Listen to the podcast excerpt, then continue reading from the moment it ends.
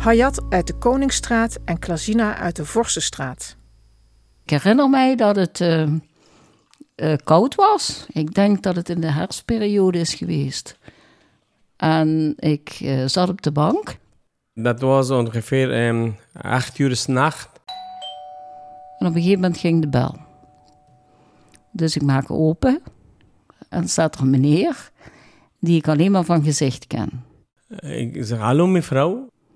En ik weet dat die meneer uh, een vluchteling is. En hij vraagt mij in gebrekkig Nederlands... Ik heb uh, paracetamol nodig, uh, want mijn kind heeft hoofdpijn.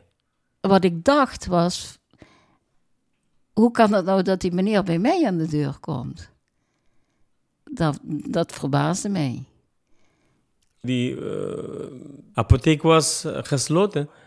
Ik heb door van mijn vrouw Klazina aangeklopt omdat ik heb uh, bij haar in muziek gehoord. Jambi.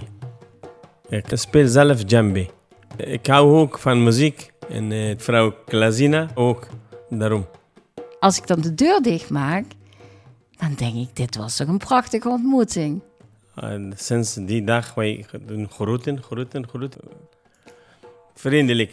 De ogen van die mevrouw was echt vriendelijk.